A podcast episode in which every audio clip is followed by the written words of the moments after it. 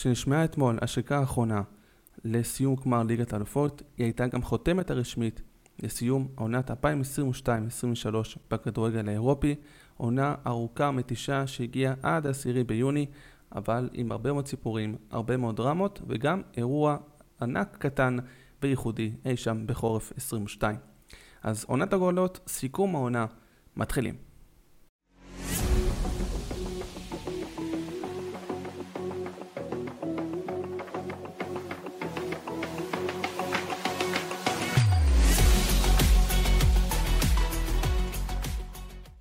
אז אנחנו נתחיל עם האירוע שקרה אמש, גמר ליגת האלופות, מנצ'סטר סיטי מול אינטר.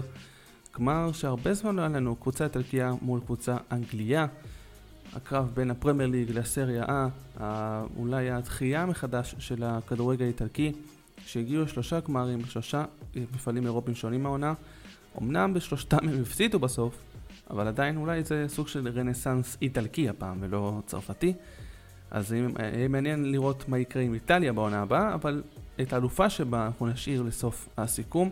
אז אנחנו נתחיל עם כמובן מנצ'סטר סיטי, הטראבל ההיסטורי שלה, וכמובן פעם ראשונה בהיסטוריה שהיא זוכה בליגת האלופות, אחרי שהיא חיפשה את זה כל כך הרבה פעמים מאז העידן האמירתי שנכנס לקבוצה, הכסף הגדול, ואחרי שהגיעה לגמר לפני שנתיים מול צ'לסי והפסידה ב-2019, אפילו שכבר ארבע שנים, אתם יודעים, אפילו לא שנתיים. אז הפעם הגיע לגמר מול אינטר, באיסטנבול, בטורקיה, וידע לקחת את זה בשתי ידיים. תרתי משמע שאדרסון פשוט הייתה, היה בהופעה באמת באמת הירואית.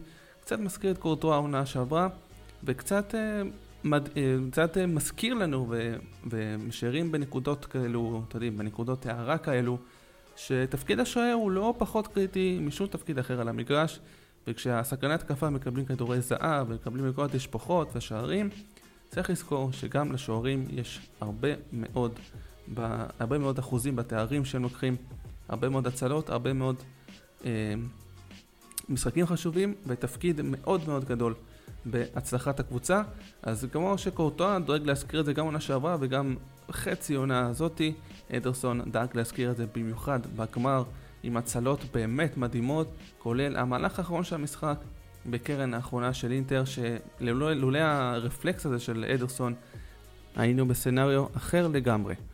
אבל בואו נדבר רגע על האיש של הקווים, על פפ קורדיולה, שהייחודיות של סיטי העונה וגם שנה שעברה, ובעיקר העונה, שיש לה שחקנים מעולים, זה אין ספק. ארלי גלנד, באמת עם עונת בכורה חלומית באנגליה, שאין סופרלטיבים מספיקים בשביל לתאר את העונה הזאת, ממלך השערים למלך, לשחקן העונה בפרמייר ליג.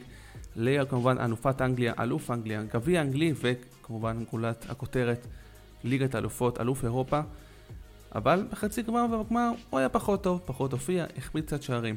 לא נורא. הגיע דה ברייני עם בישולים, כמובן מפה עד הודעה חדשה. בגמר שוב נפצע, מזל רע, אבל קורה, אין מה לעשות. ברנרדו סילבה בחצי גמר, בגמר, במשחקים האחרונים גם בליגה, פתאום פרץ ונהיה בכושר שיא, בדיוק לרגעי ה money time של העונה. ואפשר לדבר על שחקנים אחרים כמו רודרי, פתאום ג'ון סטונס שנהיה בלם, שנהיה קשר אחורי בכיר, אקנג'י שנהיה בלם פתאום מאוד טוב, למרות שהוא היה בינוני בפריז ובדורטמונד, אבל כל זה בזכות איש אחד שקוראים לו פפ גורדיולה, שאם אתם צריכים לקחת, לפחות לדעתי, את האיש, את השחקן איש הכי טוב במנצ'סטר סיטי העונה, זה לא השחקנים, זה לא דה בריינה, זה לא אהלנד, זה לא סילבה, זה אך ורק פפ גורדיולה. ונכון, יכול להיות שאני סובייקטיבי קצת, ואני מאוד אוהב אותו, אני מאוד אוהב את הסגנון המשחק שלו. עושה כדורגל התקפי, עושה כדורגל יפה, שדעתי ככה צריך לשחק בכל מקום בעולם, כי בסופו של דבר זה ספורט, ובספורט צריך לקחת תארים, צריך לנצח, וככה מנצחים משחקים, ולא בדרכים אחרות, שגם הניבו תארים, אבל אנחנו לא רוצים לזכור את הדרכים האלו, וכולם יודעים על מה, על מה אני מדבר, ועל מי אני מדבר, ואיזה קבוצות אני מדבר. אבל סיטי באמת בעונה חלומית לוקחת כל תואר אפשרי. ואם אמרנו בתחילת הדברים שזה סיכום של עונת גורלות, אז הגורל של סיטי בסופו של דבר היה לזכות בליגת אלופות, כי באמת מגיעה לקבוצה הזאת, והיא זכתה בכל תואר אפשרי, בדרך הכי גורדיולאית שאפשר, כמו שברסה לוקחת uh, תארים כשהיא באמת הכי טובה, סיטי עשה זאת בדיוק כך, היא הייתה הכי טובה באנגליה, למרות שארסנל הייתה בעונה מדהימה, אבל סיטי ידעה מתי לתת את הגז, מתי לקחת את הנקודות החשובות ולזכות באליפות. ככה גם בגביע האנגלי ובליגת אלופות כמובן נגד בעל מינכן ובמיוחד נגד ריאל מדריד. האימא של כל, הת... כל המפעל הזה, האם כל הזכיות, 14 זכיות בתואר אירופי וסיטי ידעה להיות הכי טובה. נכון, בגמר מול אינטר היא לקחה את זה דווקא בזכות האופי, בזכות הווינר ובזכות אדרסון וההגנה. דווקא לקחה, לקחה את הגמר שהיא יודעת שלא צריך לשחק יפה לקחת גמר. זה היה נגד אפילו, לדעתי, גם נגד הדרך של גורדיולה, אבל סיטי רצתה להשיג את זה. וכשהמזל הולך איתך, גם המשחקים, גם היכולת, אז גם בגמר זה יגיע. באמת שלל החמצות של אינטר, מאלטיפות של אדרסון להגנה של לוקאקו פתאום, שדימרקו פשוט נוגח על לוקאקו בריבאונד, אבל בסופו של דבר הצדק נעשה, הגורל נחתם, ואתם יודעים, בסופו של דבר הקבוצה הטובה ביותר, גם אם ייקח לה כמה שנים, בסוף היא תיקח את התואר הזה. השאלה הכי גדולה עכשיו זה לדעת מה יקרה מהעונה הבאה, כי הפיק הזה של טראבל, שהוא מאוד מאוד קשה לשחזר אותו לעונה אחר מכן, במיוחד back to back, אוקיי, נגיד בליגה זה שונה, כי עשיתי כבר כמה שנים טובות זוכרה בפרמייר ליג, אבל בליגת אלפות זה מאוד קשה להחדיר את הרעב הזה בשחקנים שוב, באלו שיישארו, יש הרבה שמועות אלו שיעזבו. אבל בכל מקרה, סיטי עושה היסטוריה, והיא עושה היסטוריה לא רק בשביל עצמה, אלא גם בשביל העיר שלה. מנצ'סטר הופכת להיות העיר השנייה אה, בהיסטוריה של גביע אירופה, ששתי הקבוצות שלה זכו בליגת האלופות או בתואר אירופי, אחרי אינטר ומילאן שזכו שתיהן כמובן בליגת האלופות. אז גם מנצ'סטר נכנסת להיסטוריה הקטנה הזאת. פפ הופך למאמן הראשון בהיסטוריה, כרגע היחיד, שזכה פעמיים בטראבל עם שתי קבוצות שונות, בעונה הראשונה שלו בברצלונה, וכמובן עכשיו עם מנצ'סטר סיטי. אז טראבל היסטורי, אלופה ראויה, במיוחד באירופה, אבל הפרמייר ליג זה לא רק הסתכם בארסנל ולא הסתכם רק בסיטי, או במפלה הבאמת מטורפת של צ'לסי שהוציאה כל יורו אפשרי שקיים על הפלנטה פחות או יותר בסיימה במקום מחוץ לאירופה, סיימה... אם, אם, בוא ככה, אם הליגה הייתה עכשיו באמצע העונה שלה, צ'לסי הייתה גם מועמדת לרדת ליגה, ממש ככה. וזה פשוט קטסטרופה מה שהלך עם צ'לסי, אבל זה סיפור אחר, לדיון אחר. גם איתה יהיה מעניין לראות מה יקרה עם פוצ'טינו בעונה הבאה, אבל המועדון הזה באמת חי קצת ב... הזיות ומציאות קצת אחרת מבחינת תוצאה כספים, זה באמת מטורף מה שקורה שם. אבל הסיפור הגדול, האמיתי, לא היה דווקא בצמרת, אלא בתחתית עם היורדות ועם היורדת אחת, שיש לה גם קונוטציה די uh, משמעותית לכדורגל שלנו. אז אם יש גורל אחד, אנחנו תמיד, תמיד מדברים על זה שהגורל, שכתוב מלמעלה, שתמיד יש משהו משותף בין הגורלות, שתמיד משהו הכווין לזה.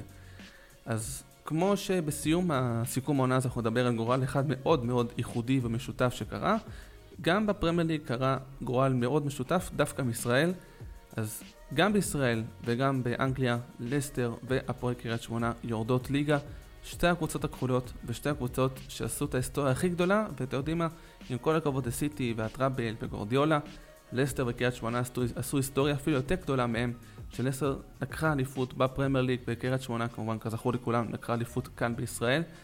אז דווקא שתי הקבוצות האלו באותה עונה יורדות ליגה, אומנם לא זכו באותה עונה באליפות, אבל כן זה מעיד על איזשהו גורל משותף. שוב, יכול להיות שזה היה, רוב הסיכויים זה היה מקרי, בו, בסופו של דבר, אבל הגורל הזה הוא משותף לשתיהן, וההבדל הגדול, התהומי בין שתיהן, שיכול להיות שלסטר בסיכוי די טוב כן אה, תחזור לפרמייר ליג הבאה, אולי עוד שנתיים. קריית שמונה לא בטוח שהיא תחזור לליגת העל, לא ברור מה יהיה שם בקבוצה הזאת, אבל בהחלט זה משהו מאוד משותף שאפשר לראות בין שתי הקבוצות האלו. ובאמת זה די, אה, לא מפתיע, אבל די יפה לראות במרכאות, מבחינת ספורטים, מבחינת הסיפור, על הגורל המשותף בין קריית שמונה ללסטר, שתי קבוצות שעשו את ההיסטוריה הכי גדולה שיכולה להיות, כשלקחו אליפות בליגה שהיא בכלל לא רלוונטית מבחינתן. בלקיחת אליפות. דסטר גם לקחה גביע אנגלי בשנתיים לאחר האליפות, בכלל עשתה היסטוריה. אבל מה לעשות, הדברים הטובים בסופו של דבר גם נגמרים. היא יורדת ליגה, אבל צריכות לזכור שהכדורגל הוא כמו כדור הארץ, הוא עגול, והכל חוזר על עצמו, אז פעם למטה, פעם למעלה. אלו, אלו החיים של הקבוצות בכדורגל, וגם לסטר תחזור בסופו של דבר, נקווה מאוד שגם קריית שמונה, אבל הגורל המשותף שלהן, לפחות בעונה הזאת, יתממש. רק נזכיר לסיום בפרמייר ליג שגם ליץ וגם סאוטהמפטון ירדו ליגה. סאוטהמפטון אחרי הרבה שנים ברציפות בפרמייר ליג ירדה בסופו של דבר ליגה מהמקום האחרון ובליגת אלופות ביחד עם מנצ'סטר סיטי וארסנל, גם יונייטד שחוזרת ליגת אלופות וגם הפתעת העונה ניוקאסל שרוצה לחזור לגדולה. המועדון הבאמת מדהים הזה עם קהל ביתי, אחד הטובים באנגליה, אם לא הטוב ביותר לדעת רבים.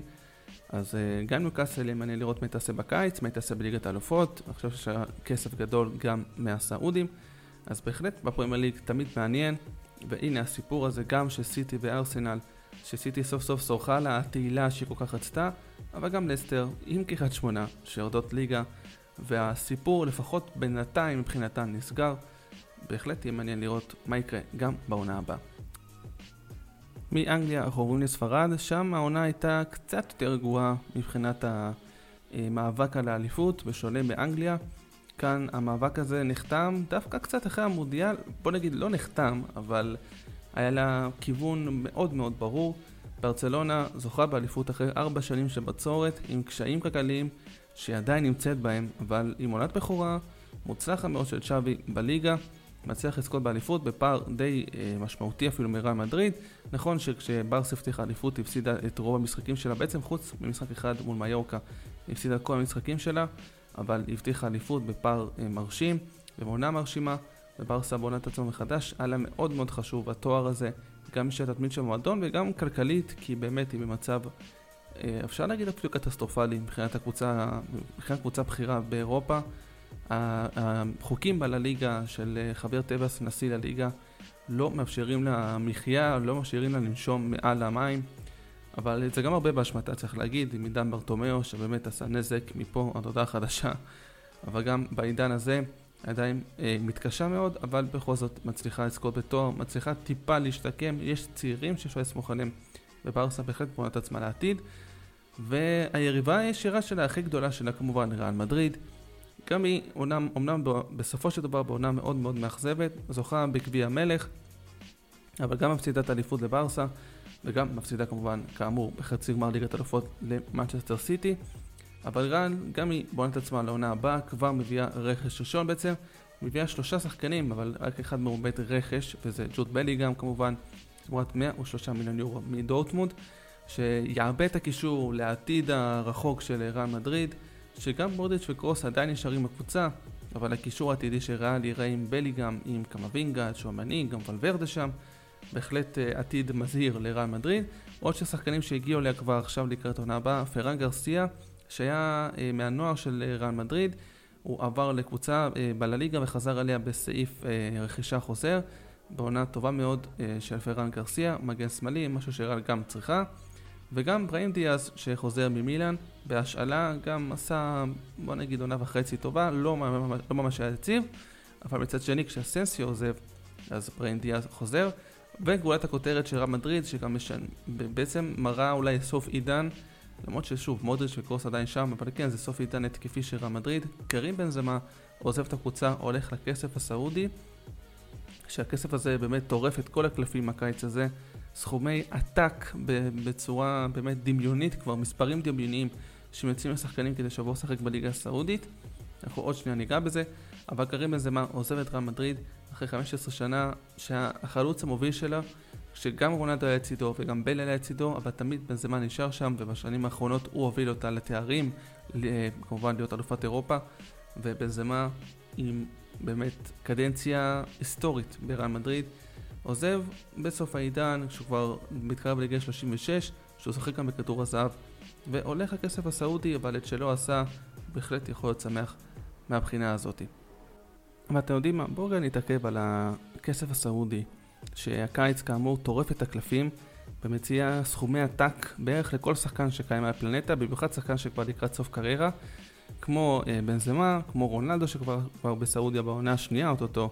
אה, העונה הבאה זה כבר תהיה העונה השנייה שלו, אה, קנטה שבדרך לשם, ועוד כל מיני שחקנים, ג'ו מוטיניו גם, וגם הצעות לשחקנים כמו למודריץ', וכמובן מעל כולם מסי עם הצעה אסטרונומית של מיליארד ומאתיים מיליון יורו לשנתיים, חוזה או שלוש נדמה לי, אבל באמת סכומי עתק. ונכון, הם רוצים לארח את המונדיאל ב-2030, אז הם מכוונים לשם והם רוצים להביא את כל הכוכבים ושופכים כסף בערימות כי בואו, יש להם מלא כסף מנפט וכסף כמו מים בשבילם אבל עדיין, אני מאוד מקווה הרבה שחקנים לא מתפתים לזה, הרבה שחקנים שבשלב הקריירה עוד אפשר איכשהו להבליג, כי להגיד אוקיי, בנזמה כבר עשה את הכל ב-36, הוא רוצה להרוויח עוד קצת ממה שנשאר לו. רונלדו כמובן בן 39, מתקרב ל-40 עוד מעט, מרוויח 200 מיליון יורו, זה לא סכום שקבוצה אחרת ייתן לו בגיל שלו, ושחקנים אחרים גם. החשש שלי, ואני מאוד מקווה ששחקנים לא יתפתו לזה, ששחקנים יותר צעירים, שחקנים שהם בשיא הקריירה שלהם, ילכו לכסף הענק הזה, אבל בתכלס, לדעתי לפחות, קצת יאבדו מהקריירה שלהם, אז צריך לשקול אם להרוויח במקום 200 מיליון, אולי כן להרוויח 15, 15 מיליון, 10 מיליון, 6 מיליון יורו אפילו, שבואו, גם זה לא כסף רע, אבל להיות עם קריירה טובה, להיות בליגה טובה, להיות בקבוצה הכי תחרותית, אולי במפעלים הכי תחרותיים, וכן, למנף את הקריירה שלהם, שנכון, כסף זה מאוד חשוב, במיוחד בכדורגל שיש המון כסף ברמות הכי גבוהות, אבל מצד שני, רוצים להמשיך אותם, רוצים להגיד, וואלה, עשיתי קריירה טובה, עשיתי דרך משמעותית בשבילי, ולא רק הרווחתי כסף, אבל לא עשיתי כלום חוץ מזה. אז אני מאוד מקווה שלמרות הכסף הסעודי, זה לא יתפוצץ לנו בפנים, כי נכון, שוב, שחקנים בכירים שיותר מבוגרים, או שיותר פציעים, שלדעתי השחקן הכי צעיר שאולי יעבור לשם בסעודיה כרגע, מבחינת המוכרים זה קנטה, הוא גם בן 31, 32 עוד מעט, הוא גם משרדים של האליפות של אסטר, אה, מהדיון, אה, מהסיכום של הפרמייר ליג. אז אני מקווה שסעודיה תמשיך להציע את הסכומים האלה אמנם, אבל שחקנים אחרים כן ישקלו את זה בכובד ראש אם להסכים או לא, ולא יתפתו ישר לכסף, כי באמת הסכום הוא מאוד מאוד מפתה, וכן, קשה להגיד לו לסכומים שמתחילים ב-100 מיליון והולכים צפונה לאין סוף כסף פחות או יותר, אז מאוד נקווה שזה אכן לא יקרה. והנקודה היחידה שקשורה גם לברצלונה, מסי שאמרו שיחזור לברצלונה, אולי קאמבק אולי לא, בסופו של דבר הולך לאינטר מיאמי. לא ששם הוא לא ירוויח כסף רע, הוא לא ירוויח את המיליארד 200 כמו שהציעו לו בסעודיה, הוא ירוויח את ה-60 מיליון, אבל באמת מסי, לדעתי עשה את הבחירה הנכונה לא ללכת לסעודיה. אה, אולי היה צריך לחזור לברצלונה, יש דעות חלוקות על זה, אבל בסופו של דבר עשה את ההחלטה גם בשביל המשפחה שלו, גם בשבילו. והוא, בוא נגיד שהאמת, את האמת, כמו שרונלדו בסעודיה, שהוא לא פרח רשמית אמנם, אבל הוא סוג של פורש. גם מסי, סוג של uh, מודיע כדורגל אירופי שהוא לקראת פרישה, וזה גם יהיה סיום עידן, אבל זה גם יהיה סיכום אחר לגמרי, לא לסיכום הזה. אז זה היה בספרד, אנחנו רק נגיד שעוד משהו בהקשר של ברצלונה, אבל דווקא היריבה העירונית של האספניול יורדת ליגה בבושת פנים מבחינתה, גם ברצלונה חייגה לאליפות בבית שלה, באצטדיון שלה, וגם יורדת ליגה. על הקשקש במחזור לפני האחרון, אחרי שהובילה כבר על ולנסיה ובסופו של דבר מפסידה. גם ניסתה לערער את זה לשופטים, להגיד שהמשחק שלנו בוולנסיה לא היה חוקי, השערים שהיא ספגה לא היו חוקיים. דיון לדעתי די מיותר, אבל אספניול יורדת ליגה. אז בספרד ברצלונה זוכה באליפות, ריאל מדריד מסיים מקום שני, אתלטיקו שלישית וסוסיידד שחוזרת ליגת האלופות מסיים מקום הרביעי. היא תהיה בדרג ד', בדרג 4, אז תקבל, יכולה לקבל גם סוג של בית מוות. אבל גם איתה מעניין לראות מה יהיה העונה הבאה. סוסיידד לאורך השנים האחרונות באמת מתברקת בצמרת של הליגה הספרדית, זה ייאמר לזכותה. והיא בהחלט מקדמת שחקנים מעולים, קבוצה באמת באמת כיפית לראות גם מבחינת הסגנון כדורגל. אז זה מה שקרה בספרד. אמנם פה הגורל והצדק לא בטוח שנעשו, אבל אה, בוא נגיד ברצלונה כן הגיעה לזכות והאלופה הראויה בסופו של דבר כן זכתה. אה, מתחילת העונה ועד סופה ברצלונה פחות או יותר נשארה יציבה. ריאל היא זו שנפלה באמצע הדרך, וברסה זוכה באליפות לאחר ארבע שנים צ'אבי עם תואר ראשון משמעותי כבר בעונה הראשונה שלו בקטלוניה. אם יש ליגה אחת שכן סיפקה, סיפקה דרמה והיא גם הסתיימה בדרמה עד הדקה ה-91 אפילו 92 שההכרעה הייתה בדקה 89 זאת אומרת בוא ניקח ברגע ההכרעה של העונה הליגה שהכי פחות סיפרו ממנה להיות הכי צמודה וזו כמובן לא ליגה אנגלית, לא איטלקית, לא ספרדית, לא אפילו צרפתית, למרות שהיא לא ממש צמודה. הליגה הגרמנית, הבונדסליגה, הסתיימה בצורה הכי דרמטית שיש, שמי שמסתכל על הטבלה רואה שוויון נקודות בין דורטמונד לבעיה מינכן, אבל ביין זוכה באליפות בגלל הפרש השערים הרבה יותר טוב שלה משל דורטמונד, אבל העונה הזו באמת עונה ש... בוא, צריך לשים סוגריים, צריך uh, לדבר על פיל שבחדר, עונה מאוד חלשה בבונדסליגה, ביין הייתה בהם בעצמם בעונה אה, גם קצת בלאגן ניהולית, במאמנים, בניהול, בשדרה הניהולית המקצועית. בהן לא מתאים לה, לא מתאים לחוסר סדר הזה, הקבוצה המאוד uh, גרמנית בסדר וארגון שלה. קבוצה ענקית הזאת, בעונה חלשה מאוד, פיטרה נגסמן, מביאה טוחל והקריסה מגיעה די מיד. אז לא לוקחת אה, את הגביע הגרמני, בליגת אלופות הודחה מול מנצ'סטר סיטי, ובבונדסליגה, מחזור לפני האחרון, היא מפסידה מול לייפציק בבית, בבונדסליגה, וכשדורטמונד שומעת את, ה, את, את התוצאה הזאת באליאנץ ארנה בביירן, היא יודעת שצריכה לנצח את המשחק, את המשחק שלה כדי להגיע למשחק האחרון של העונה בבית מול מיינדס, שסיימה בכלל את העונה שאין לה מה, מה להילחם. שיודעת שניצחון שווה אליפות אחרי עשור, אחרי עשר שנים. אז זה מה שקורה, דורטמונד מנצחת את המשחק שלה, מגיעה למשחק האחרון, ניצחון וזה עדיין שלה, בבית, בזיגה נודו בפארק, עם כל הקהל, מול קבוצה נוחה, מול יריבה באמת נוחה שאין לה מה להילחם, היא לא ליגת אלופות, ירידה, כלום. דורטמונד צריכה לעשות שלה, לנצח ולחגוג אליפות עם על מאות אלפי האוהדים שלה בעיר.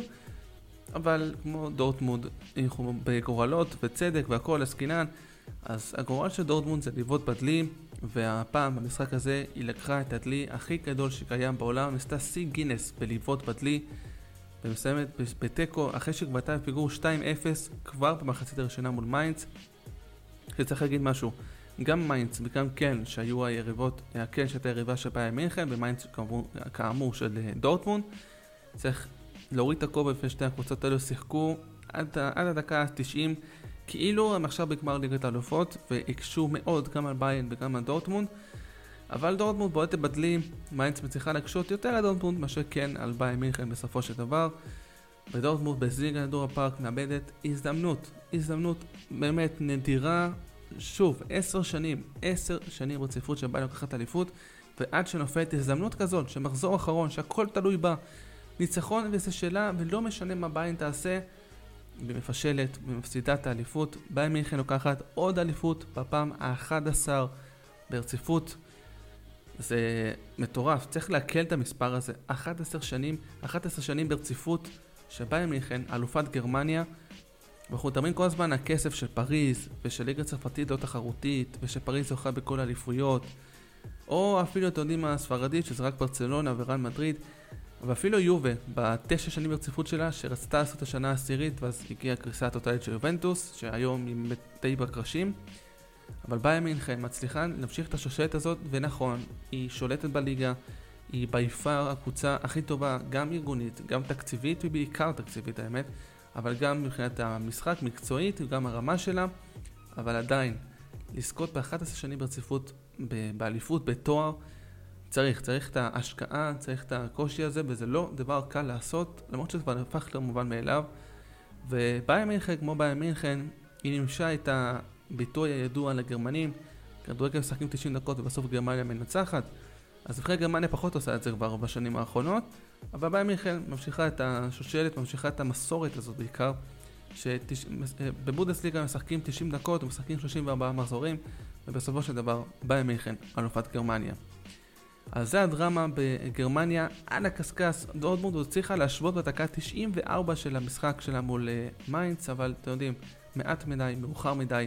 באה עם הדקה 89, צריך לעשות את ה-2-1 עם השחקן הצעיר שלה, שאיכשהו, באופן די מפתיע, גם גרמני, ג'מאל מוסיאלה, ובאה מכן אלופת גרמניה, בדרמה הכי דרמה שאפשר, אולי האליפות הכי קשה שלה ב-11 שנים האחרונות. וצריך להגיד, האליפות האחרונה שהיא לא של ביין מיכן כמובן של בורוסיה דורטמונד, עם איש מאוד מוכר לכל אוהדי הכדורגל, וזה היה עם יורגן קלופ, ומאז ביירן פשוט שולטת ביד רמה בליגה, וכשביירן יודעת שהיא נפלה העונה, שגם לא היה לה חלוץ, אחרי שלבנדובסקי עזב, ומאנה לא בדיוק נכנס למשבצת הזאת, עונה הבאה היא הולכת להתחזק, וחלק מהרכישות שלה שכבר נעשו, זה היה ליימר מלייפציג, שכבר היה דיבור עליו בינואר שהוא יסגור בקיץ, ועוד העברה מפתיעה מבחינת דורטמונד לפחות, העברה חופשית, רפאל גריירו עובר לבאיירן מינכן, אז וגם, אה, כמובן כמו שאמרנו מקודם, ג'וד בלינגהאם עוזב את דורטמונד, אז אה, דורטמונד פונה את עצמה מחדש שוב, אבל יודעת שבאיה מינכן תבוא פי ארבע יותר חזקה ממה שיכולה להיות העונה, והיא תבוא הרבה יותר מוכנה, כי בגלל הכל כך הזמן הארוך הזה שזוכה באליפויות, היא יודעת שאם יש עונה אחת שהיא נופלת, זה יכול להיות משהו, אה, יכול להיות שלא גם, כן, שוב, הכדורגל הוא מפתיע תמיד, אבל איך שזה נראה כרגע, זו יכול להיות עונה חד פעמית שבה הן ככה נפלה, ודורטמונד לא ידעה לנצל את זה, ויכול להיות שההזדמנות הזו לא תחזור עליה, לא תחזור אה, בעונה הבאה, אולי אפילו לא בת שנתיים. אז בהחלט יהיה מעניין לראות מה יקרה בבונדסליגה, אבל עונה דרמטית, הכי דרמטית מבין כל הליגות הבכירות באירופה, מסתיימת בהפרש שערים בלבד, עם אותם מספר נקודות, ועם אלופה אחת ידועה, וזאת באיה מינכן. אז זה אחד עם ביין ודורטמונד ולייפסיק שבליגת אלופות. עוד אה, קבוצה, הפתעת העונה, כמו שבאנגליה זה הניוקאסל, בגרמניה אוניון ברלין תהיה בליגת אלופות בפעם הראשונה בהיסטוריה, אז גם בהחלט זה, זה ציון דרך מבחינתה. ועוד קבוצה שיורדת ליגה אחרי שעלתה, גם היא כחולה כמו לסטר וקריית שמונה, גם היא קבוצה גדולה, וקוראים לה שלקה, היא שוב יורדת ליגה, בשונה, בשונה לפני שנתיים שירדה, שבאמת היא הייתה בעונה קטסטרופלית, נסגרה טיפה להילחם על נקודות לקראת סוף העונה. כאן מתחילת 2023 היא באמת אה, אה, נתנה הילוך, היא עשתה כל מה שיכולה בשביל להישאר בליגה, בסופו של דבר זה לא הספיק והיא יורדת. גם שטוטגרד נשארת בליגה, אחרי שבמשחקי המבחן היא צריכה את המבורג, ששוב היא סיימה במקום השלישי בליגה השנייה אה, בגרמניה, ושוב נכשלת במבחנים כבר אה, ארבע עונות ברציפות שהמבורג לא מצליחה לחזור לבודסליגה, לליגה הראשונה. צריכים לעשות בדק בית בהמבורג, כי כל עונה אומרים שהם עולים, ושוב לא עולים, ותמיד זה הקשקש, ותמיד הם עוד צעד אחד שהם לא מצליחים לעשות אותו. והיורדת השלישית לבודסליגה השנייה, ארטר ברלין, אז אוניון בליגת אלופות, ארטה יורדת ליגה, התהפכו היוצרות בגרמניה, בברלין, אז uh, גם לא ממש מפתיע, כי באמת יכול להיות נוראית של ארטה, שגם ניצלה עונה שעברה מירידת ליגה, והעונה היא יורדת, אבל uh, יהיה מעניין לראות אם היא תחזור בעונה הבאה. וזאת העונה שהייתה בגרמניה, ושוב, ביי מיכן, בפעם ה-11 ברציפות, אלופת גרמניה, ואל תהיו מופתעים, גם בעונה הבאה, אנחנו נגיד בפעם ה-12 ברציפות, ביי מיכן, אלופת גרמניה. לפני שאנחנו מגיעים לליגה האחרונה, לבאמת אה, עונת הגורלות שהסתיימה בשני האירועים האלו, אנחנו רק נציין עוד כמה אלופות מפתיעות ופחות מפתיעות שהיו בשאר הליגות באירופה.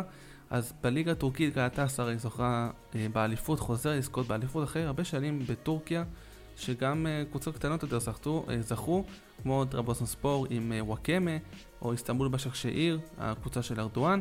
אז גלטסר היא חוזרת לזכות באליפות עם החלוץ המוביל שלה, מנואל איקרדי, אם הספקתי לשכוח, הוא עדיין איתנו בכדורגל האירופי. עוד אלופה מפתיעה, שגם היה לה קשר אה, ישראלי אלינו, אז אנטוורפן אחרי 66 שנים זוכה באליפות בבלגיה בצורה הכי דרמטית עם גול בדקה ה-90 שמשווה מול גנק, שבעצם בקונסטלציה הזאת היו שלוש קבוצות שהיו אלופות תוך כדי המשחק. בסופו של דבר, בקו הראש בראש הזה בין גנק לאנטוורפן, אנטוורפן זוכה באליפות. רפאלו ששיחק שם, שעבר לקרב בוז' והיה באנדרלך והיה הרבה קבוצות אה, בבלגיה, לא זוכה לזכות, אה, לא זוכה בתואר הזה עם אנטוורפן, אבל הקבוצה אחרי 66 שנים אלופת בלגיה. ועוד אלופה אחת שמפתיעה מאוד היא פיינורד, שחוזרת לזכות באליפות הולנד, אחרי שליטה מוחלטת של אייקס ואחרי שליטה של PSV בשתי הקבוצות האלו.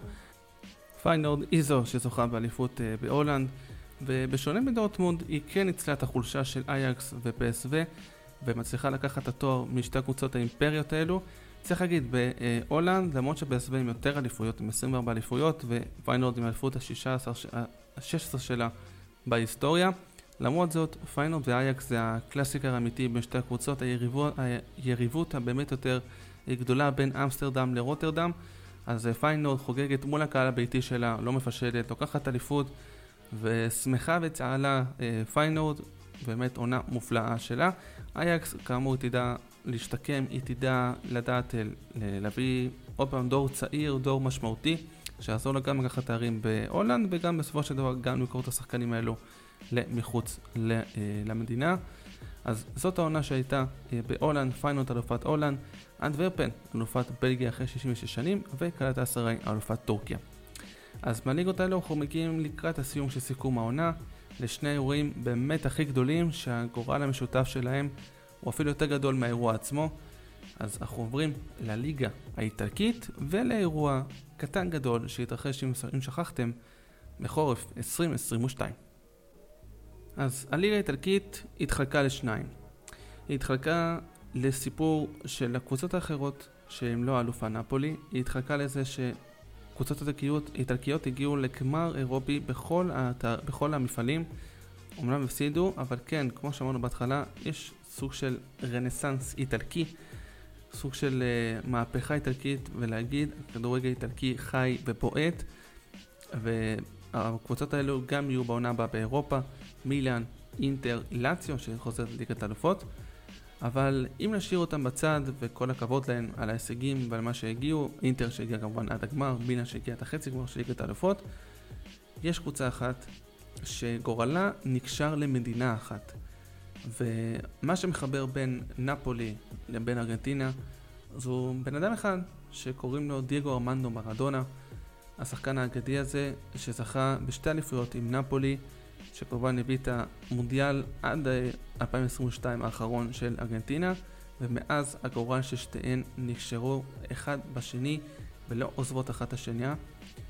וכשמרדונה, שכמובן הוא כבר מסתכל מלמעלה אחרי שהוא אה, נפטר, זה היה ברור, זה היה הרגשה באוויר שהעונה יכולה להיות הקלור, שיכול להיות הסגירת סיפור, הדבר הזה ש... אנחנו מדברים תמיד, שתמיד אומרים שהגורל זה עניין מיסטי, או שזה עניין של אמונה, או שזה משהו שכתוב מלמעלה, או שבסופו של דבר כל החיים הם מתוכננים, והם כמו כדור הארץ, כמו שאמרנו מקודם, גם החיים כמו הכדורגל הם עגולים, ובסופו של דבר הכל חוזר על עצמו.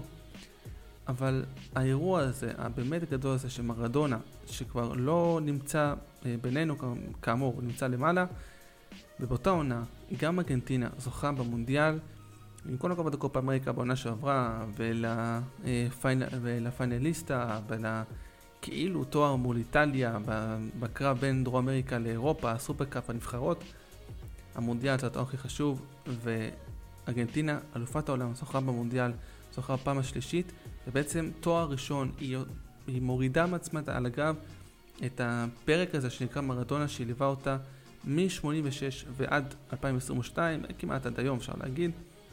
והיא עושה את זה, ובאותה עונה, ממש באותה עונה, ובצורה באמת פנטסטית מבחינתה, בצורה מרשימה, בצורה דורסנית, אבל במובן החיובי של, ה, של הספורט, בצורה הכי מרשימה שיש, נפולי זוכה באליפות, כשהתואר האחרון של הקבוצה הקטנה הזו מדרום איטליה, התואר האחרון שלה היה עם אחד בשם מרדונה. אז באותה עונה שמרדונה כבר לא איתנו, גם נפולי וגם ארגנטינה זוכות בתארים שלהם, בתארים הכי חשובים. נפולי חוזרת, חוזרת להיות אלופת איטליה עם רכש וסקאוטינג באמת מדהים של להביא שחקנים ליחסי כדורגל של היום באמת בגרושים ולמצוא אימפריה לעונה אחת לפחות עם פער דו ספרתי, עם אליפות דומיננטית שלא משתמעת לשתי פנים, לא היה ספק לרגע שנפולי תהיה אלופה וארגנטינה, עם במונדיאל הירואי, עם לאו מסי אחד סוף סוף זוכה באליפות במונדיאל פעם השלישית, סוף סוף, סוף סוף אלופת העולם. והגורל הזה של מרדונה שהיה בין נפולי לארגנטינה ששניהם נסגרים באותה עונה ששתי הקבוצות האלו, אה, הקבוצה והנבחרת כמובן, מסיימות את העונה הזאת עם התארים הכי חשובים וצריך להגיד, הגורל הזה שאולי מעכשיו והלאה יהיה גורל שונה מבחינתן אבל אפשר להגיד רשמית שהעונה הזאת מעל הכל, מעל התארים של סיטי, מעל אליפות של גרמניה בגרמניה הדרמטית, מעל שיאים ושערים ודרמות תוך כדי משחקים, לפחות לדעתי הסיפור הכי גדול של הכדורגל בעונה הזאת זה שהפרק של דיגו ארמנדו מרדונה בהיסטוריית הכדורגל נסגר רשמית, חתום ויש עליו סיום, יש פרק סיום של הפרק הזה של ההיסטוריה הזאת, של הסיפור הזה, ומרדונה רשמית נכנס לדפי ההיסטוריה של הכדורגל, והוא יהיה חלק מההיסטוריה כמו שחקנים אגדיים אחרים, כמו פלא, כמו קרויף, כמו שאר השחקנים. והכדורגל מהעונה הזאת והלאה מתחיל לכתוב סיפור מחדש, במיוחד כמובן בשביל נפולי וארגנטינה, אבל גם בכדורגל אין יותר את הכובע הזה של מרדונה, את הסיפורים. מרדונה, משאירים אותו בצד, הכדורגל ממשיך קדימה. וההיסטוריה והעידן הזה של דיאגו מנדה מרדונה נגמר, נגמר רשמית. ואני אסיים את הסיכום העונה הזאת כמו שהתחלתי. מבחינתי העונה הזאת היא עונת הגורלות, לא בגלל שבכל ליגה היה איזשהו גורל, חלק כאלו כן, אבל בגלל שוב הסיפור הזה של נפולי וארגנטינה, תסכימו איתי שאם אתם מאמינים בגורל, ואם לא, ואם אתם חושבים שיש מישהו מלמעלה מבחינת, מבחינת האמונה, או מבחינה מיסטית, או כל דבר אחר, תסכימו איתי שבאותה עונה שמרדונה כבר לא נמצא, במונדיאל הראשון שמרדונה כבר לא חי, ארגנטינה זוכה במונדיאל, ובאותה עונה גם נפולי זוכה באליפות. אז אם זה לא גורל, אם זה לא משהו משותף, משהו שכתוב, שהיה כתוב שזה יקרה, אני לא יודע מה כן. אז זה הסיכום העונה, עונת 2022-2023, הרבה מאוד סיפורים כמו בכל עונה, אבל לדעתי עונה באמת גדולה, עם הרבה מאוד uh, צדק שנעשה, גם מבחינת התארים, האלופות, אלופת אירופה של מנצ'סטר סיטי, וגם, שוב, אלופת העולם ארגנטינה במונדיאל, ובסוגריים, המונדיאל בחורף, שזה מרגיש כאילו המונדיאל הזה היה לפני שנים, אני צריך להגיד, אבל היה לפני חצי שנה, העונה הזו שהייתה ארוכה בגלל המונדיאל, עדיף לכל עולם הכדורגל שלא יהיה יותר מונדיאל בחורף, שיחזור להיות הפורמט הרגיל של מונדיאל בקיץ, אני מקווה שכך יהיה. העונה המדהימה הזאת שאני אישית אזכור אותה עוד הרבה שנים, במיוחד בגלל הרקע הזה של מרדונה, שעוד 30 שנה שנסתכל קדימה, נגיד מרדונה היה ככה וככה וככה, אבל העונה הזאתי נסגר. העונה הזאתי הוא הגיע לסיום, וההיסטוריה, העידן החדש בכדורגל נפתח מחדש, וההיסטוריה מתחילה להיכתב מחדש. גם בגזרה הזאת, ובהחלט יהיה כיף לראות גם בעונה הבאה.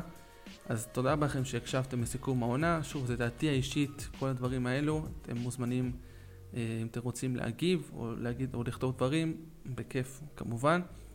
ועוד משהו אחד קטן, אה, בסופו של דבר העונה הזאת עם הרבה מאוד סיפורים, הרבה מאוד דרמות, שנאה ואהדה ואוהדים והכל.